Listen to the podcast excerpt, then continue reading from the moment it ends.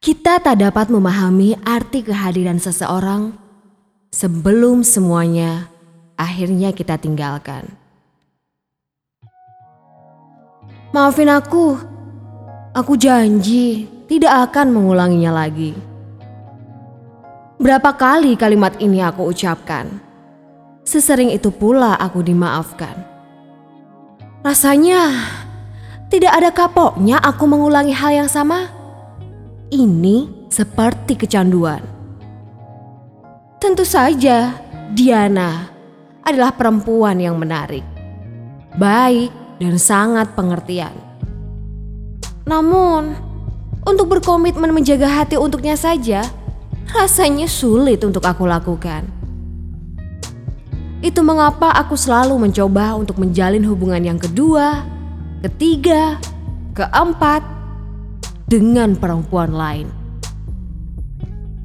Playboy, orang biasa memanggilku begitu.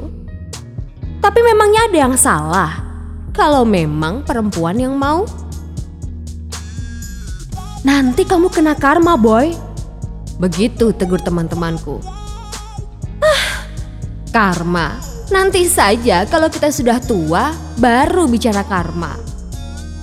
Lagi-lagi aku bersikap acuh terhadap nasihat orang lain. Suatu hari, Ibu Diana akan menjalankan suatu operasi di rumah sakit. Diana, pacarku itu, ya pacarku yang setia dan selalu aku selingkuhin itu memintaku untuk menemaninya menunggu di rumah sakit. Tapi saat itu aku sudah terlanjur janjian dengan Sari untuk makan malam. Ya, Sari, kekasihku yang lain. Maka aku pura-pura saja sedang tidak enak badan. Saat aku sedang asik menikmati makan bersama Sari, tanpa aku duga-duga, Tiba-tiba saja Diana datang menghampiriku.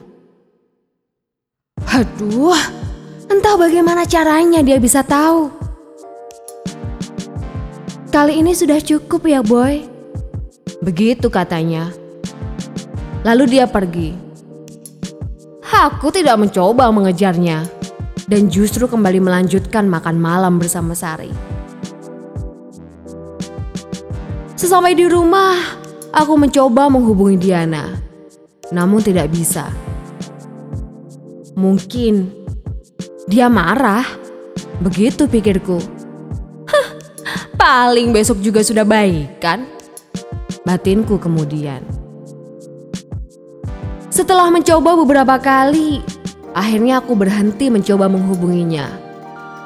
Aku silent handphone, kemudian... Uh, Aku pergi tidur. Uh, keesokan harinya, aku bangun. Sedikit lupa dengan kejadian semalam. Aku cek handphoneku. Kulihat beberapa miss call di handphone. Kotak pesanku juga penuh pesan masuk. Boy, Diana meninggal di rumah sakit. Dia kecelakaan semalam. Kamu di mana? Saat aku baca pesan itu, aku merasa duniaku runtuh. Uh, mungkin ini hanya mimpi yang segera mungkin aku ingin bangun. Tapi ini bukan mimpi.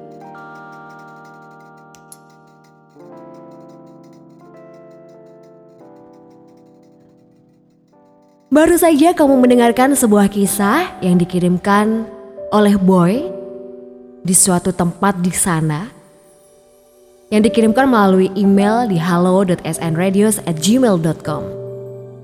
Terkadang kita memang tidak bisa mengetahui atau kita tidak bisa menghargai hadirnya seseorang dalam hidup kita.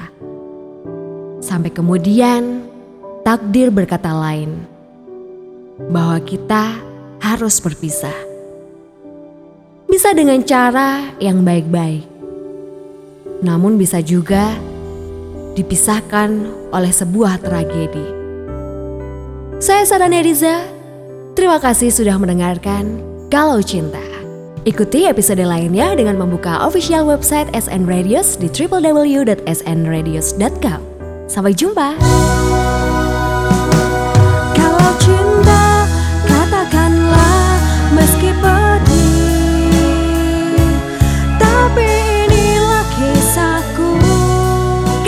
bisa mengirimkan kisah cintamu juga ke Kalau Cinta ke halo.snradios@gmail.com atau cari tahu info selengkapnya ke www.snradios.com.